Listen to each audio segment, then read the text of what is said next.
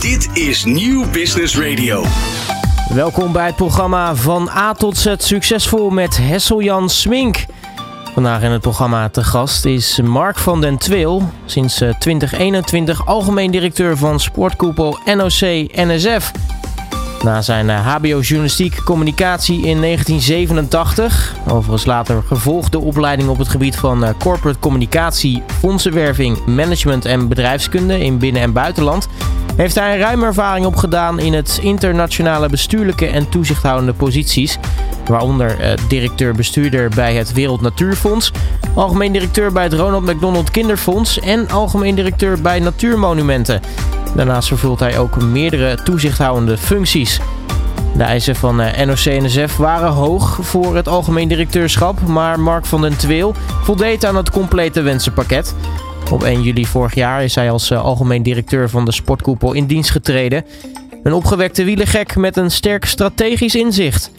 Vandaag is hij dus de gast bij Hessel Jan Smink. Een gedreven bestuurder met een schat aan ervaring.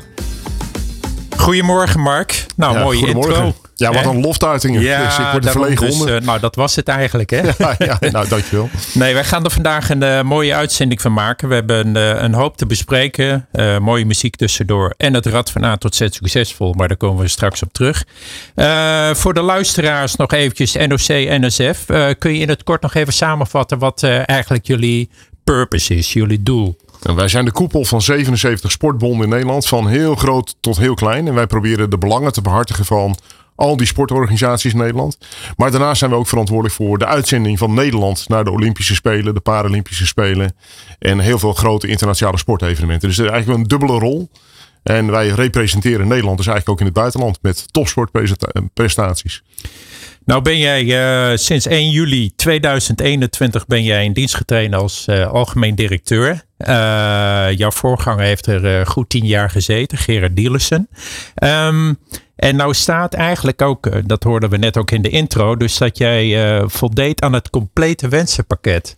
Althans, dat heb ik ergens gelezen. Ja, dat, waarom is dat? Ja, dat moet je natuurlijk eigenlijk, dat is een beetje een flauw antwoord, dat moet je natuurlijk eigenlijk niet aan mij vragen. Ja, maar, maar dat doe ik toch? Ja, dat doe je toch, ja. Nou ja, ik, uh, er werd ook wel een beetje gezocht naar een schaap met zes poten. En misschien dat ik vijf poten heb. Dus, uh, dus ik durf niet te zeggen dat ik aan alle eisen exact voldoe. Maar het is een, een complex speelveld waarbij je aan de ene kant in een verenigingsdynamiek moet kunnen schakelen. Mensen mee moet kunnen nemen. en dat is soms dienen en dat soms leiden. En dat moet je op de juiste manier doen en met, met de juiste timing. Ik denk dat dat belangrijk is en, en dat mijn ervaring in, in het maatschappelijk middenveld en in het verenigen van mensen daar een belangrijke rol bij heeft gespeeld. En uh, ik denk dat dat een belangrijke component is.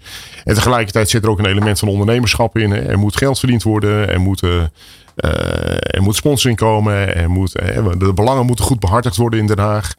En tegelijkertijd zit er natuurlijk ook een zware operationele verantwoordelijkheid in. We doen heel veel dingen met publiek geld. We hebben een paar honderd mensen in dienst. En uh, ja, de, de, tent moet ook netjes uh, gerund worden. Van, van s ochtends vroeg tot s avonds laat. En ik denk, uh, ja, door. kijk, het, het, komt niet uit de lucht vallen. Maar door wat ik in de afgelopen 25 jaar. de streepjes achter mijn naam. Denk ik dat ik in de buurt ben gekomen van dat competentieprofiel. Maar er zullen ongetwijfeld. Er zijn er nog heel veel andere mensen in Nederland die dit ook zouden kunnen. Dus die ja. bescheidenheid past ook. Oké. Okay. Maar goed, die moeten voorlopig even wachten. Ja, precies. Um, je hebt uh, voor het Wereld Natuurfonds gewerkt, Ronald McDonald Kinderfonds, uh, natuurmonumenten, altijd bestuurlijke functies gehad. Uh, als ik naar je cv kijk, ook wel voor langere periodes, dus dat is op zich positief. laatstelijk als algemeen directeur natuurmonumenten, dus daar heb je acht jaar gezeten. Is dat geen mindshift, dus dat je vanuit natuurmonumenten naar de sportkoepel toe gaat? Ja, ik, ik zeg altijd 50% van mijn werk is uh, precies hetzelfde als hiervoor. En 50% is totaal anders. En wat is anders? Uh, nou, wat, wat anders is, is natuurlijk gewoon de, de, de achtergrond. Hè. De, de dynamiek van de sport is een andere. Die is kortademiger, die is sneller. Uh, kijk, in, in, in natuurbescherming maak ik wel eens de grap van... Kijk, gras gaat niet sneller groeien als je eraan trekt. Hè? Uh, dus heb je meer tijd nodig, veel meer lange termijn werk. En dat is in de sport echt anders. en waar ik bij Natuurmonument altijd degene was met ja, het minste geduld... ben ik hier af en toe in de positie dat ik mensen moet manen tot meer geduld. Dus dat is wel een interessante, interessante shift. Maar heel veel van het werk is besturen, fondsen werven...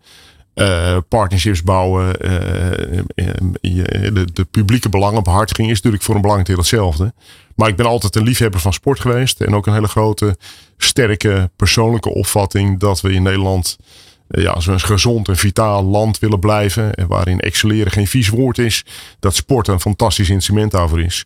En ik ben altijd heel erg betrokken geweest. Met name bij buitensport. Bij wielrennen, mountainbiken. Uh, en dat soort sporten.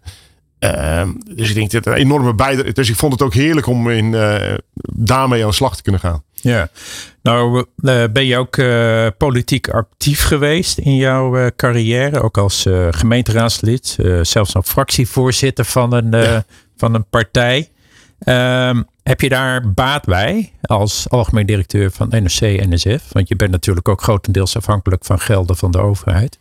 Ja, kijk, ik ben, ik ben een politiek dier in de zin dat ik. Uh, kijk, politiek is. Uh, alles is politiek, maar politiek is niet alles, zeg maar. Hè? Mhm. Dus ik ben zeer geïnteresseerd in het politieke spel. En wat er in Den Haag gebeurt en wat er in Brussel gebeurt. En in de provinciehoofdsteden. Dat is ook een belangrijk deel van mijn werk. Dus ik heb eigenlijk vanaf uh, mijn afstuderen altijd in de politiek. in functies gezeten waarmee je met de politiek te maken had. Dus ik denk dat ik dat politieke spel goed snap. En vind ik ook een interessante dynamiek. En tegelijkertijd uh, is voor mij ook wel heel duidelijk dat ik geen politicus ben. Omdat politici, uh, en ik generaliseer en ik, ik zet het wat stevig aan. Maar natuurlijk heel sterk gericht zijn op het uitvergroten van het verschil. En ik ben toch vooral een bestuurder die op zoek is naar vooruitgang. mensen samenbinden en te zoeken waar je met elkaar, hoe, je er, hoe je eruit kunt komen. Zonder dat dat allemaal laffe compromissen hoeven te worden. Maar ik ben heel erg gericht op die verbinding en op partnerships. En dat past natuurlijk toch veel minder bij een politieke rol. Dus uh, ik heb geen uh, ambitie zeg maar, om nog eens een keer Tweede Kamerlid te worden. Of, of iets, van, iets van die aard. Nee. Als we nou even, we gaan er straks wel wat uh, meer gedetailleerd op in. Maar als we even uitvergroten en we kijken even naar NOC, NSF. Uh, er, er gebeurt natuurlijk heel veel in de wereld. De afgelopen jaren natuurlijk hebben we de coronacrisis gehad. Impact op gezinnen, sporters. Uh, dus er speelt een uh, oorlog op dit moment. Ook al mag die vanuit Rusland niet zo genoemd worden. Maar wat voor impact heeft dat op de organisatie? En zeker ook kijkend vanuit jullie rol naar de sportbonden. Ja, eh, kijk, corona heeft een, een desastreus effect gehad natuurlijk in heel veel sporten op, uh, op, het, op het verenigingsleven. Er mocht natuurlijk eigenlijk niks meer en allemaal begrijpelijk en zo, daar, daar gaat het niet over. Uh, maar sportparticipatie, dus uh, sportdeelname, is echt onder een, uh, een historisch laagtepunt, historisch dieptepunt terechtgekomen. En met name, en dat vind ik het meest zorgwekkend, de categorie tussen de 13 en de 18 is massaal afgehaakt. En zien we ook nog onvoldoende terugkomen. Dus dat heeft een enorm effect gehad eigenlijk op een generatie in, die, in die periode 13 tot 18 jaar, de, de vormende jaren ook, waarin je sport ook moet ontdekken. Uh, en je vitaliteit ook een boost krijgt en je basis, uh, je, je, vaardigheden ontwikkelt. Dus dat heeft een heel groot en negatief effect gehad, wat op de langere termijn zichtbaar zal blijven. Uh, en we zijn daar net weer een beetje aan het uit aan het worstelen. En nu heb je die energiecrisis. En ik moet zeggen dat ik me daar misschien wel meer zorgen over maak. Omdat wat je ziet is dat door die gestegen gasprijzen. Uh, nou, minister Kaag heeft op het laatste moment nog een inlegvelletje gemaakt bij de miljardennota. Hè, dat om iets te doen naar de naar de huishoudens. Maar voor het midden- en kleinbedrijf en voor de sportsector is nog niks geregeld op dit moment. En uh, als je kijkt naar de gasprijzen, we hebben een berekening laten maken dat van de 637 zwembaden in Nederland, de voor het eind van het jaar 200 moeten gaan sluiten. Ja. Uh, en dan moet je bedenken dat de impact daarop op de samenleving zal enorm zijn. Niet alleen voor sport of voor topsport, maar ook voor revalidatie of bijvoorbeeld voor zwemles voor kinderen. En dan hebben we het nog niet eens over de acht van de 21 ijsbanen die moeten gaan sluiten. En honderden accommodaties voor binnensport. Die eigenlijk iets in de, ja, in, in de slipstream daarvan in het komend voorjaar de negatieve gevolgen daarvan zullen ondervinden. Nee, je noemt nou twee voorbeelden. Eh, alleen al uh, kijkend naar de zwembaden, maar ook kijkend naar uh, bijvoorbeeld schaatsbanen. Maar ik, ik denk dat de, het grootste gedeelte van de mensen eigenlijk niet in de gaten heeft wat de, wat de impact daarvan is. Je gaf net ook al aan, hè, dus dat met name de, de leeftijdscategorie tussen de 13 en de 18 jaar, die is grotendeels afgehaakt. Is daar een verklaring voor? Nou ja, die, die zaten natuurlijk gewoon ook in een sociaal en maatschappelijk isolement. Hè? Dus uh, ik heb het bij mijn eigen kids gezien, die dan op het zolderkamertje zitten in, in een teamsomgeving, contact hebben met school niet naar sport kunnen. Uh, vrije tijdsbesteding is afgesloten. Dus je ziet ook heel veel sociale en, en fysieke en mentale problemen ontstaan in die, in, die, in die groep. Dus de verbinding met de rest van de wereld is echt weg. Voor een belangrijk deel van die, het laatste een onderzoek gedaan is er, de 15, meisjes van 15, 16 hebben het echt op dit moment heel erg zwaar. en dat is een leeftijd waarom je eigenlijk zou moeten, nou dat zou toch een van de happy times in je leven moeten zijn. Zeker. En, uh, en het verenigingsleven, dat echt zorgt voor sociale samenhang, voor het gevoel van samen de schouders ergens onder zetten. Kijk, die boost voor zelfvertrouwen, voor ontwikkeling, die is natuurlijk voor een hele generatie twee jaar lang weg geweest. Ja. nou kan ik me ook voorstellen, want ik, ik, ik, ik vind het een hele plausibele verklaring. Aan de andere kant kan ik me ook voorstellen dat een groot gedeelte van die leeftijdscategorie 13, 18 jaar ook afhaakt. Omdat uh, ze veel meer bezig zijn met, ik noem maar even iets, e-sporting. Ja, nou ja uh, dus prima. een verschuiving van het fysieke toch meer naar de computer toe. Uh, zie je daar ook een trend gaande? Ja, kijk, er komen ook nieuwe sporten bij. Uh, en e-sports kunnen ook een fysieke inspanning zijn. Hè? Dus je hebt ook, nou, ik hou zelf van wielrennen. Je hebt ook van die Swift, weet je. Je doet dat in de, in de garage op je racefiets. Ja. Dus er zijn ook allerlei nieuwe vormen in ontwikkeling. En wat we zien is dat ook tegelijkertijd er allerlei nieuwe vormen van sport aankomen. Hè? Dus freestyle BMX, uh, 3x3 basketbal. Er zijn 400.000 jongeren uh, iedere week actief op een basketbalveldje in Nederland. Dus er ontstaan ook allerlei nieuwe spelvormen. En dat hoeft niet altijd meer per definitie in verenigingsverband. Of gebeurt in alternatieve vormen. En dat is uiteindelijk, hè, natuurlijk staan wij ook voor dat verenigingsleven. Maar verenigingen moeten zich ook aanpassen aan de nieuwe vraag. En een aanbod maken wat daar ook passend bij is. En daar, sommige verenigingen en sommige bonden doen dat fantastisch. En andere uh, hebben nog moeite om die, uh, ja, die, die revolutie of die evolutie mee te maken. En waar ligt dat aan? Nou, dat ligt ook aan dat uh, mensen in besturen van verenigingen vaak ook gepassioneerde liefhebbers zijn van een sport. En zijn opgevoed in een sterke cultuur, zijn 40 jaar verbonden aan een sport. En dan is het soms ook moeilijk om de shift te maken dat 3x3 basketbal net zo leuk kan zijn als 5x5. Uh, dus het zit ook gewoon in de, in de menselijke geest. Hè. Wij, wij doen dingen op een bepaalde manier. En dat vraagt soms weer aanpassingsvermogen. Maar we praten daar nu uh, heel makkelijk over. Maar op zich is dat natuurlijk wel uh, een heel essentieel punt. Die ook bedreigend is voor diverse sportbonden. En als je niet uh, in voldoende mate dus zeg maar die switch kunt maken naar, die, naar de vraag van de markt. Dan heeft dat straks grote impact op je, op je ledenaantal. Ja, nou goed, om niet al te pessimistisch daarover zijn. Hè. Dus heel veel bonden groeien en heel veel sportverenigingen in Nederland en ook andersoortige verenigingen groeien de ledenaantallen. Omdat ze wel een nieuw aanbod weten te creëren. Nou, ik gaf bijvoorbeeld basketbalbond. Maar er zijn ook buiten de sport heel veel voorbeelden te bedenken van, van organisaties met een ledenstructuur die groeien. Omdat ze met een nieuw aanbod komen. Maar ook omdat, en dat vraagt deze tijd ook, hè, uh, het woord vereniging betekent verenigen. En er is in deze tijd van uh, polarisatie en individualisering ook een hele sterke behoefte bij echt heel, heel veel mensen om weer een nieuwe samenhang in die samenleving te krijgen. En sport kan daar echt een bijdrage aan leveren. Ja, want dat is wel mooi. Hè?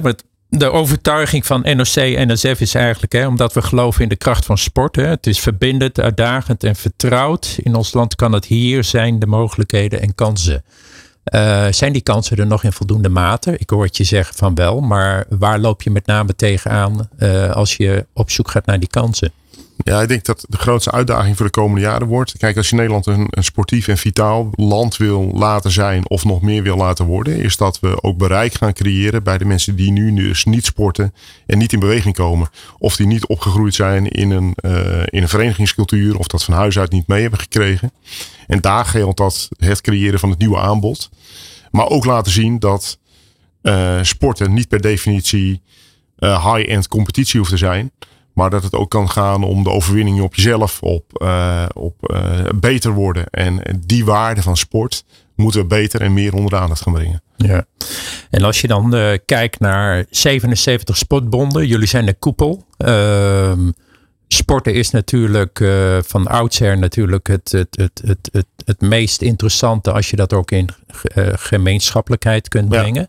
Ja. Als je nou kijkt naar e-sports, uh, zie je daar een trend ontstaan dat dat veel geïndividualiseerder wordt of dat het ook nog gemeenschappelijk kan plaatsvinden? Ja, het grappige is dat als je naar dat, wat ik zei net over Swift, weet je, over dat soort methodes waarin daar sporten mensen eigenlijk ook samen. Alleen ze doen dat allemaal op hun eigen plek. Dus het is een hele nieuwe manier van. Dus de vraag is of dat individualisering is. Of is dat een nieuwe vorm van verbinding met elkaar zoeken. Maar dat die. En wat denk jij zelf? Uh, ik denk dat het een nieuwe vorm van verbinding zoeken is. En bovendien zie je in de praktijk dat het heel vaak complementair is aan de klassieke sport. Dus je ziet dat mensen gaan wielrennen uh, met een appgroepje met vrienden hebben. waarin ze eigenlijk ook een informele vereniging zijn. Dat ze trainen op een sportschool. Dat ze iets doen uh, individueel via e-sports. En dat ze lid zijn van een wielenclub. En dat loopt door elkaar heen.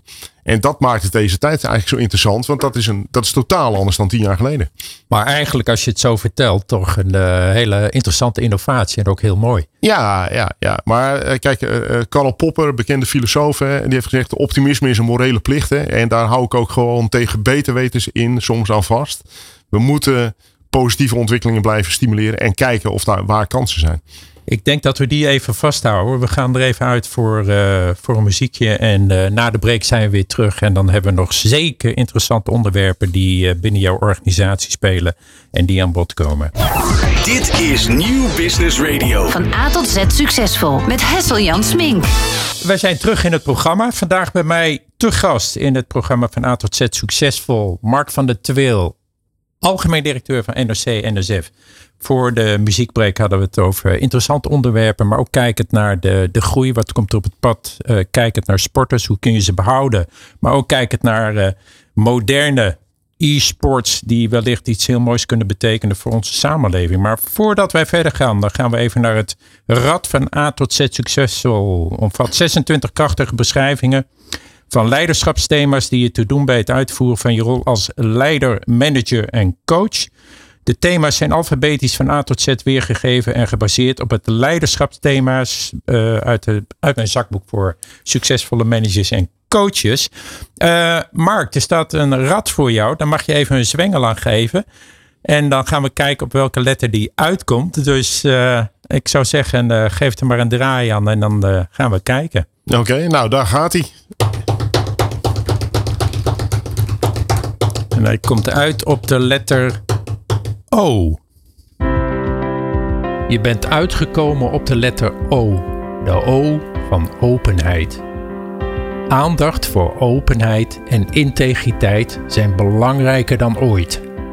Op het juiste moment openheid tonen richting je teamleden over persoonlijke worstelingen kan effectief en resultaatgericht uitpakken. Wat zal ik wel of niet met mijn teamleden delen? Je kwetsbaar opstellen leidt tot verbondenheid en vertrouwen. Het schept een veilige omgeving waarin men begrip kan tonen voor elkaar en elkaar kan steunen. Wat vind jij lastig om te delen en waarom? Wat houdt je op bepaalde momenten tegen om open te zijn? Durf te delen. Er zal een wereld voor je opengaan. De O van openheid geeft je hierin richting. Ook interessant bij het vergroten van openheid zijn de letters E van EQ en de V van vertrouwen. Een passende tip: openheid is besmettelijk. Als jij vanuit een positieve houding begint, zullen je teamleden zich verbonden voelen en ook sneller open zijn over de dingen die ze bezighouden. Dit zorgt voor meer effectiviteit, verbondenheid en resultaat. Samenvattend een mooie quote om mee af te sluiten. Openheid is besmettelijk. Begin jij? Mark, openheid is besmettelijk. Reageer er eens op. Ja, ik denk wel dat dat zo is, maar ik, zit even daar, ik moet het even goed uh, tot mij laten komen. Uh, laat ik zeggen dat ik uh, in die zin voor veel mensen wel een open boek ben. Omdat ik toch heel erg slecht ben in het verbergen van wat ik eh, eigenlijk denk en overweeg. En, uh, en de emoties die ik daarbij voel. Dus ik kan euforisch blij zijn, maar ook heel erg boos. En overigens is dat dan. Dus ik, ik kan dat niet verstoppen. Dus dat. En, en dat vinden mensen soms in het begin wel eens lastig. Maar ik denk uiteindelijk niet meer en wordt dat gewaardeerd. En ik heb ook denk ik het zelfvertrouwen gekregen om open te zijn. En dat komt, dat komt eigenlijk vooral door mijn vrouw. Dat je die me daar de juiste impuls heeft gegeven. Dus wij zijn een heel goed team. Oké. Als je nou kijkt in je rol naar uh, uh, openheid in relatie tot algemeen, algemeen directeur zijn van de NOC-NSF. Openheid, integriteit, hè, dus effectief mee omgaan, resultaatgerichtheid. Het zijn natuurlijk allemaal aspecten die je als topsporter of als topsportteam uh, graag meeneemt. Maar als je kijkt naar een stukje historie van uh, de afgelopen jaren, dan is openheid, integriteit, is toch wel een beetje onder een vergrootglas komen te staan bij NOC en NSF. hoe kijk je daar op terug en hoe kijk je daar na als rol van algemeen directeur en hoe ga je daarmee om? Kijk, integriteit. En er zijn natuurlijk de laatste periode regelmatige dingen naar voren gekomen. Uh, rondom grensoverschrijdend gedrag in de breedste zin van het woord. Hè, binnen verschillende sporten. Het is natuurlijk buitengewoon pijnlijk om dat, uh, om, dat te moeten constateren. En ik denk dat daar de afgelopen jaren gewoon te weinig aandacht voor geweest is. We hebben gezien dat er uh, bij turnsters allerlei dingen gebeurden. Hè, die intimiderend waren van karakter. En eh, als je daarmee geconfronteerd werd, en, en ik werd daar verleden jaar mee geconfronteerd, uh, vond ik dat tamelijk schokkend. En we hebben daar ook geprobeerd in de spiegel te kijken, wat hebben we hier niet goed gedaan? En we hebben ook geconstateerd en ook geprobeerd toe te geven, en dat hebben we ook gedaan, we hebben ook toegegeven dat we dingen niet gezien hebben of niet hebben willen zien. Dus dat, die openheid hebben we wel geprobeerd te betrachten. Kun je de luisteraars eens meenemen in wat, uh, wat, wat er dan gemist is? Kun je dat nou, eens concreet maken? Ik denk vooral, uh, uh, kijk, de verhalen over wat er in de turnsport gebeurde, die kwamen op een gegeven moment naar buiten en die zijn langzaam maar zeker doorgecijpeld in de laatste jaren.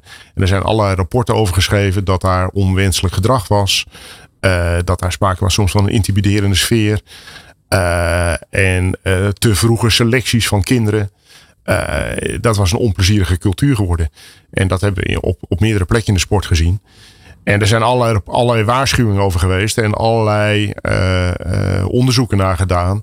En soms is daar toch te vaak blijven hangen. Van ja, dat hoort nu eenmaal bij topsport. Topsport is nu eenmaal hard.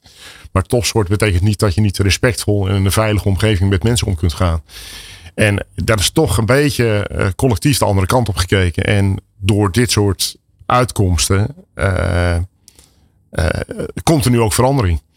En je ziet dat overigens in, in meerdere uh, lagen van de samenleving. Hè. Dus in de media gebeuren dingen, in de politiek gebeuren dingen die te maken hebben met grensoverschrijdend gedrag. En ik denk dat we gewoon nieuwe waarden en normen aan het ontwikkelen zijn met elkaar.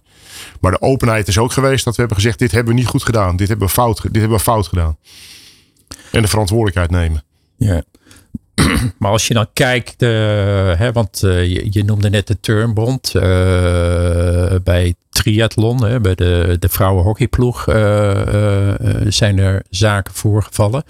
Maar heeft dat ook niet direct te maken met leiderschap? En als dat toch zeg maar in je cultuur is verankerd, zeg maar de periode eigenlijk voordat jij als algemeen directeur aantrad, is dat dan ook heel makkelijk eruit te krijgen? Want je kunt wel cultuurwaarden, hè, eh, normen en waarden kun je definiëren. Maar ja. die zijn er ook al een keertje ergens gemaakt. Alleen er is geen aandacht aan geschonken. Hoe kijk jij er tegenaan?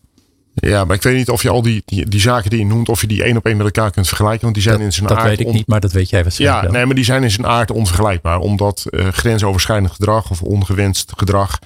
Uh, dat kan zich op verschillende manieren. Hè. Dat kan zich seksueel uiten. Dat kan ook gaan over intimidatie of over te hoge prestatiedruk.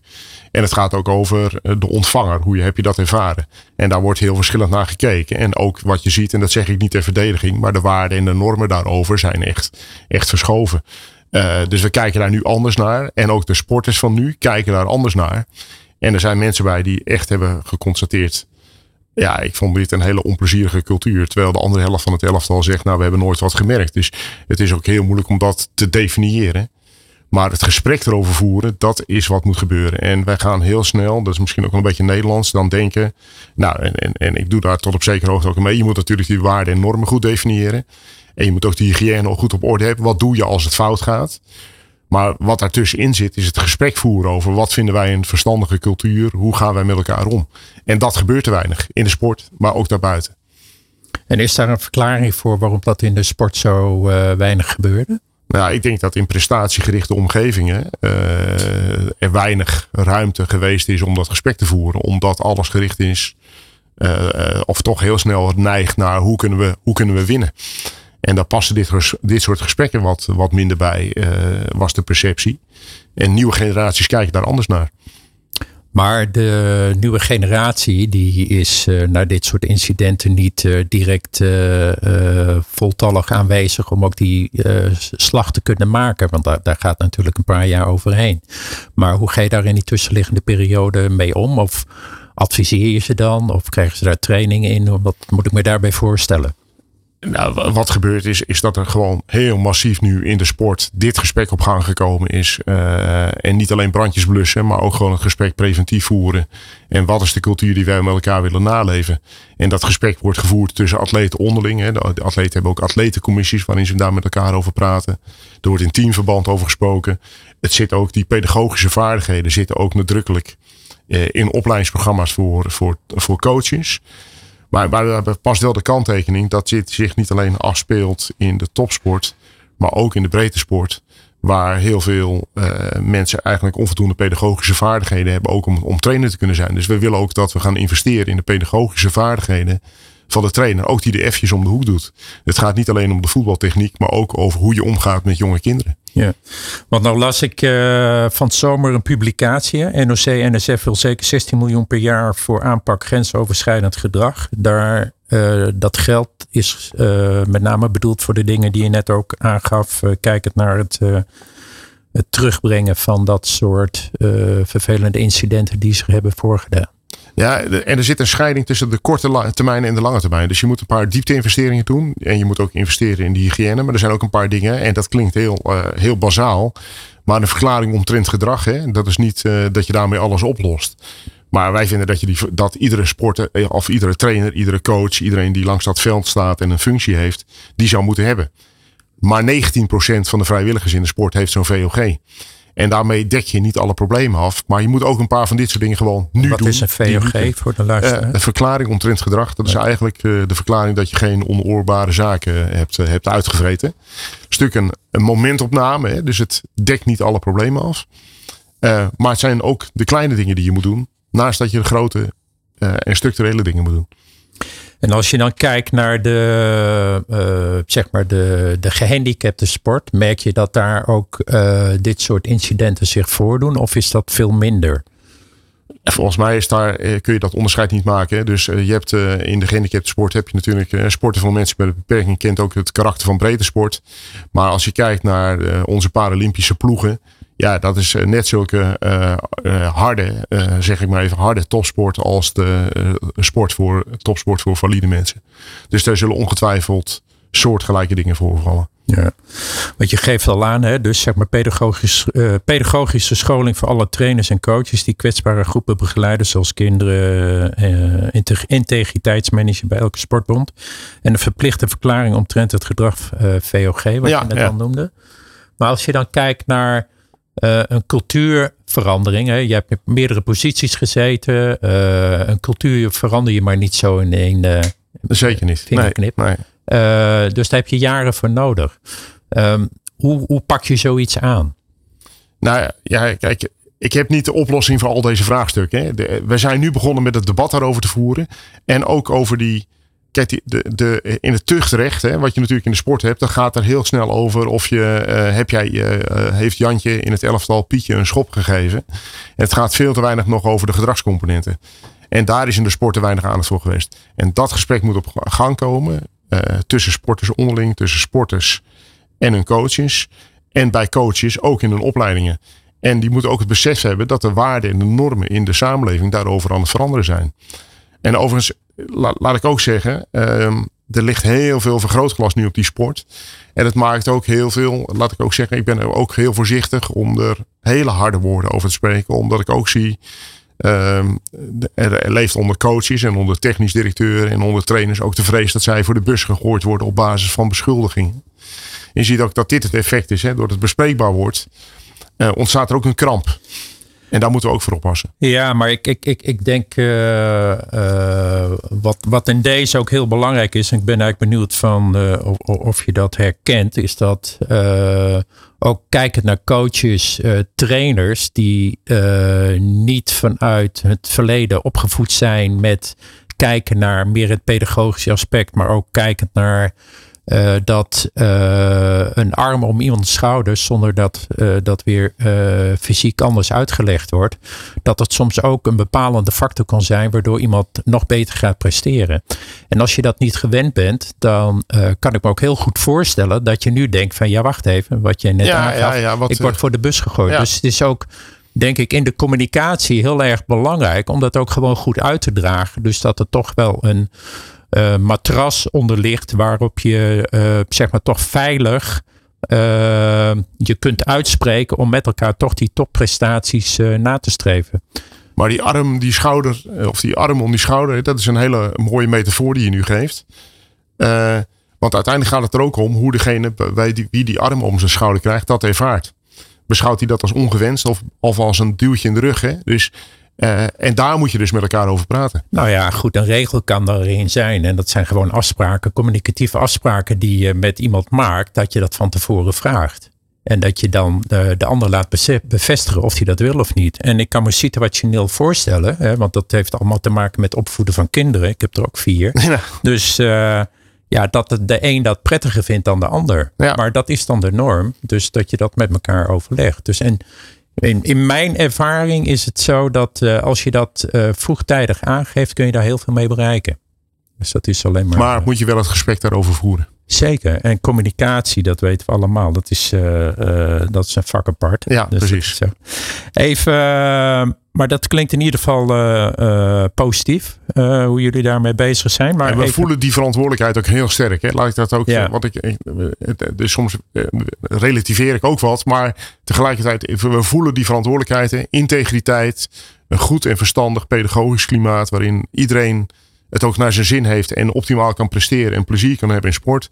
Is echt een super belangrijke voorwaarde. Randvoorwaarde voor sport in de komende jaren. Nou, ik denk dat uh, als je het zo zegt, dat dit een, uh, een heel moment is om toch nog weer eventjes uh, een, naar een muziekje te gaan. wij komen zo meteen terug bij de luisteraar. En dan heb ik nog een interessant onderwerp. Ik zou het met jou ook nog graag eventjes willen hebben over de, de, samenwerking met Fonds Gehandicapte Sport. ook kijkend naar de gehandicapte sport. gebeurt heel veel en is ook een hele mooie doelgroep waar nog heel veel potentie in zit. Dit is Nieuw Business Radio. Van A tot Z succesvol met Hessel Jan Smink. We zijn weer terug bij Van A tot Z succesvol. En vandaag bij mij in het programma de algemeen directeur van NOC NSF, Mark van den Twil. Mark, we gaan het zometeen uh, uh, ook nog eventjes hebben over uh, jouw hele mooie organisatie. Maar ook even kijken ook nog naar de gehandicapte sport, waar ik jou even wat vragen over wil stellen wil stellen. Maar voordat we dat doen, uh, voor jou staat het rad van A tot Z succesvol. Dan mag je zo meteen nog even een zwengel aangeven. En dan gaan we eens kijken op welke letter die nu uitkomt. En dan uh, mag jij, uh, nadat er is gesproken, daar wat van vinden. Oké. Okay. Je, ga je gang? Ja, oké. Nou, ik geef hem een enorme zwieper. Dus eens kijken hoe die uit gaat komen. Hij komt uit op de letter R. Je bent uitgekomen op de letter R, de R van respect. Door respect te hebben voor jezelf en voor je teamleden kun je gevoelens van stress en irritatie verminderen. Vertrouw erop dat je genoeg kennis en kunde hebt om de juiste keuze te maken. Maar uh, respecteer jij jezelf en je teamleden voldoende?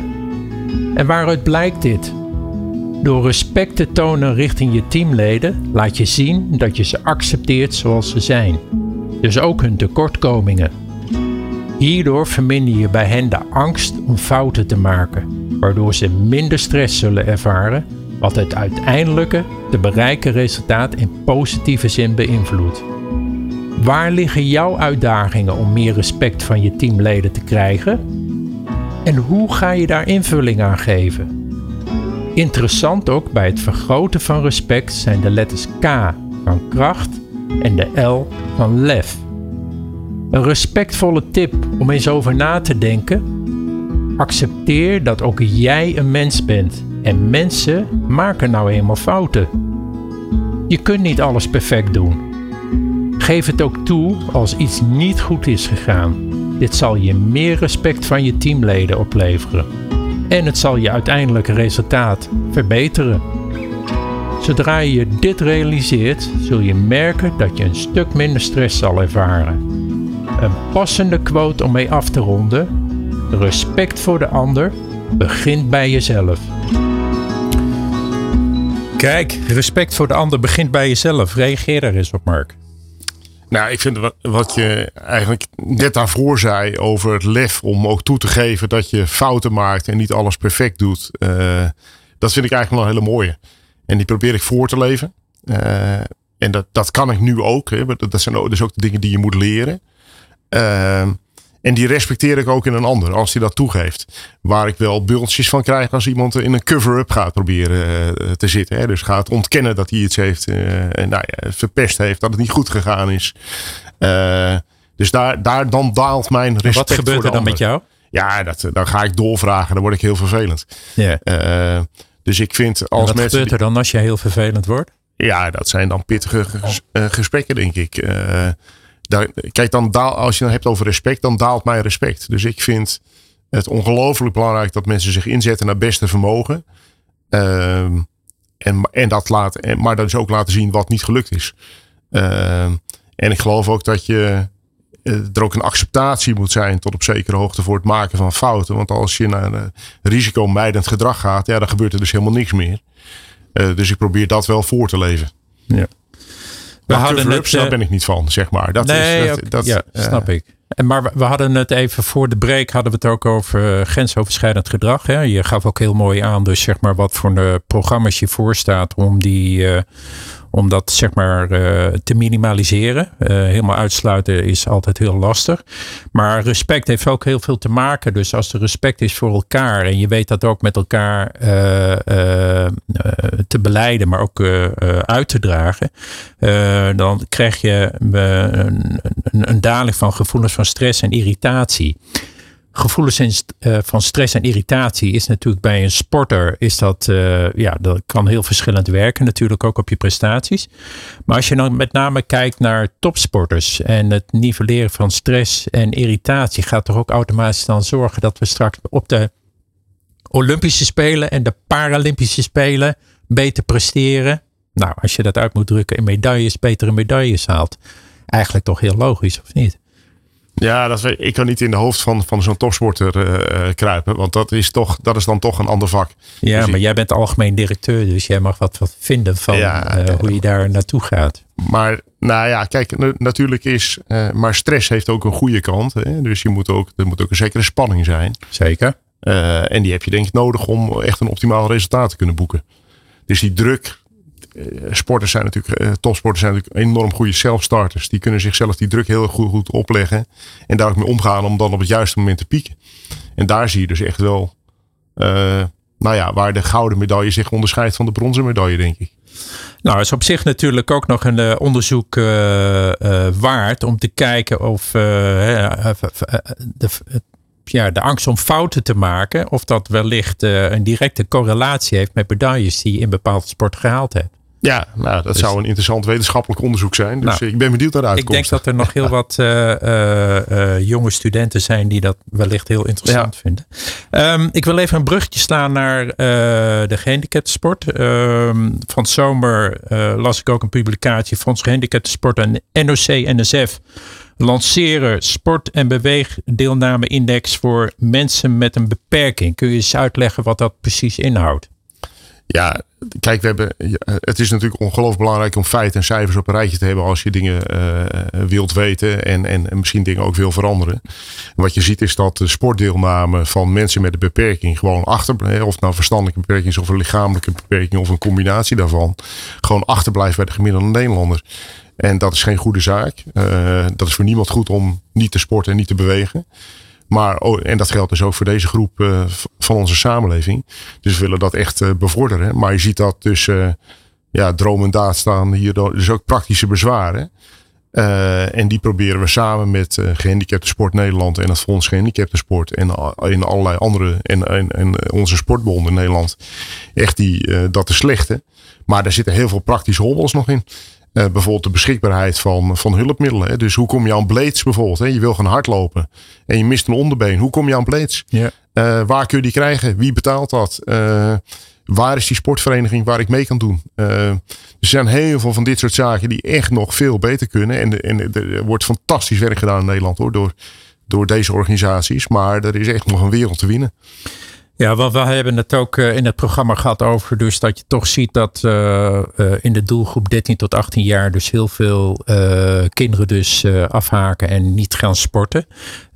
hoe is dat kijkend naar de leeftijd binnen de gehandicaptensport? Haken daar ook veel jongeren af? Nou, je ziet dat daar vaak de entree juist om, om te gaan sporten. Hè? Dus je ziet in Nederland wel heel veel nou, laat ik zeggen, kijk, eh, voor een flink aantal jongeren die ook opgegroeid zijn in een gezin waar eh, sporten tot het normale ritme behoort, is die gang naar de sport relatief klein. Maar soms heb je te maken met beperkingen die extra aanpassingen vragen. En dan wordt het dus al heel erg ingewikkeld.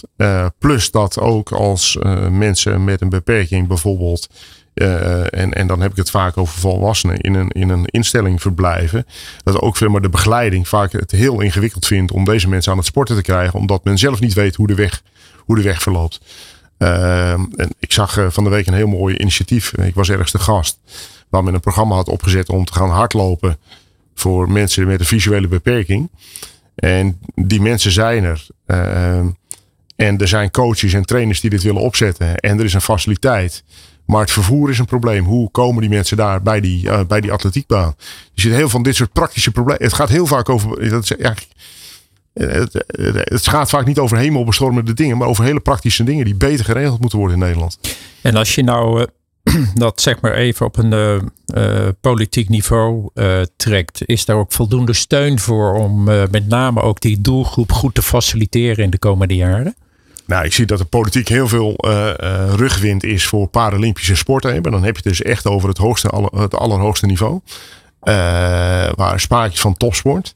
Maar als het gaat om breedte sport, ik denk dat we in Nederland echt een voorbeeld kunnen nemen aan Scandinavische landen en aan Anglo-Saxische landen, waar dit gewoon beter geregeld is. En laat ik zeggen, en het is tekenend, waar, eh, dat bijvoorbeeld het, uh, het VN-verdrag over toegankelijkheid voor mensen met een beperking. Nederland is een van de aller, allerlaatste landen in de wereld die dat getekend heeft. Dus de hele fysieke infrastructuur, hè, dus in een trein stappen, in een bus stappen, allerlei van dat soort voorzieningen zijn in Nederland gewoon echt slecht geregeld. Wij denken dat dat niet zo is, maar we zijn een achterloper in de wereld. En als je dan kijkt naar jou, uh, uh, je bent een goed jaar uh, algemeen directeur binnen NRC NSF. Waar staan we op dat gebied ook kijkend naar de gehandicapte sport over vijf jaar? Ja, dat, dat durf je niet met 100% zekerheid te zeggen. Maar ik hoop wel dat we een enorme boost kunnen geven aan die toegankelijkheid van de sport in Nederland. Door met name aan die fysieke kant, hè, dus hulpmiddelen, dat soort dingen gewoon makkelijker on, ontsloten zijn. Er zijn een aantal clubs die daar goed aan werken. Volgens mij is dat super belangrijk. Maar dat we ook de beletsels voor sport. Uh, die in hoofden van mensen zitten met een beperking of van hun begeleiders, dat we die weg kunnen nemen. Dat het heel goed mogelijk is om ook met een beperking, of dat nou verstandelijke of fysieke beperking is, te kunnen sporten. Uh, en daarbij, wat ongelooflijk belangrijk is, is dat het ook gewoon gebeurt bij de reguliere sport, uh, bij de sportclub, midden in de samenleving, dat er echte inclusiviteit ontstaat. Nou, ik vind dat uh, heel mooi gesproken. Mark, we gaan alweer uh, richting het einde van het programma. Uh, op het, op het, het, leiderschapsgebied wil ik je toch nog even een paar stellingen zo meteen voorleggen. Okay. Dus ik ben even benieuwd wat je daarvan vindt. als je jezelf nu moet omschrijven als leider, algemeen directeur van NOC-NSF. één volzin, wat, wat, wat zeg je dan? Poeh, dat was het? Ja, ja, ja. Nou, dat is wel een hele merkwaardige omschrijving. Maar uh, uh, een, een ambitieuze doordouwer die wel probeert mensen mee te krijgen. Dat klinkt heel mooi. Um, stelling is: ga uit van je eigen kracht. Wat vind je er wel? Ja, nou, ik geloof dat je uh, echt ehm, het zelfvertrouwen moet hebben of ontwikkelen om uit te gaan van je eigen kracht. En ieder mens heeft iets, iets unieks te brengen. Uh, dus daar, en ik ben ook heel erg. Uh, ik probeer mensen ook te stimuleren, inclusief mezelf, in hun persoonlijke ontwikkeling. Door beter en slimmer en, en sneller te worden. Dat zijn eigenlijk een beetje de Olympische waarden. Uh, maar daarbij hoort ook het uh, bekennen wat je niet kunt. Ik geloof dat je daardoor veel sterker wordt. Dus uh, door mensen ook om je heen te verzamelen die complementair zijn. En, en, te ont en dat, mag je één ding daarover zeggen? Waar ik enorm de balen van heb in het huidige schoolsysteem. Is dat je in alles een uh, zes of een zeven moet, moet halen. Terwijl vroeger had je, vroeger dit klinkt oude mannentaal. Maar had je een vakkenpakket en dan kon je, als je geen wiskunde kon, dat in de tweede klas laten vallen een belangrijk deel uh, van onze samenleving zou nu, uh, van mensen die uh, jij en ik, of allerlei mensen die hier rondlopen, zouden waarschijnlijk de finish niet halen in het huidige schoolsysteem. Omdat het uitgaat van dat iedereen alles moet kunnen. En volgens mij is de kracht van de samenleving, en ook in de sport en in het bestuur en het leiden van een club, dat je samen probeert iets beter te maken en dat je complementair bent. Klinkt heel mooi. Wees consequent en flexibel tegelijk. Ja, nou ja, je moet je onderweg ook kunnen aanpassen aan wisselende omstandigheden. Een half jaar geleden hadden wij niet gedacht dat we nu in een enorme energiecrisis zouden zitten. En dat is bepaalt nu ongeveer 70% van mijn agenda. Oké, bescherm je grenzen. Ja, wie kan het daarmee oneens zijn, eh, zou ik zeggen. Durf nieuwe dingen te doen. Ja, volgens mij uh, uh, is dat het, uh, misschien wel een van de belangrijkste taken als je leidinggevende bent, als je manager bent of, of eigenaar van een bedrijf of wat dan ook dat je uh, vooruit blijft gaan. Blijven proberen. Bescherm je grenzen. Oh, hij komt nog een keer. ja. Ja, uh, ik ben niet zo van, van grenzen stellen. Dus uh, ik zoek de grenzen op, denk ik. Nou, ter afronding, Mark. Wees de leider die je zelf wilt volgen. Ja, ik, er past maar één woord. Ik doe mijn best. Nou, ik, uh, ik wil jou in ieder geval uh, danken ja, voor jouw absoluut. aanwezigheid en jouw mooie woorden. Dus uh, ja, heel veel dank daarvoor. dank voor het luisteren naar het radioprogramma van A tot Z Succesvol. Het radioprogramma die leiders inspireert om nog beter te worden in het managen of coachen van hun team. Iedere tweede donderdag van de maand te beluisteren op New Business Radio. Uiteraard kun je het programma ook via podcast terugluisteren. Ik wens jullie een succesvolle dag verder en tot de volgende keer. Van hippe start-up tot ijzersterke multinational. Iedereen praat mee. Dit is New Business Radio.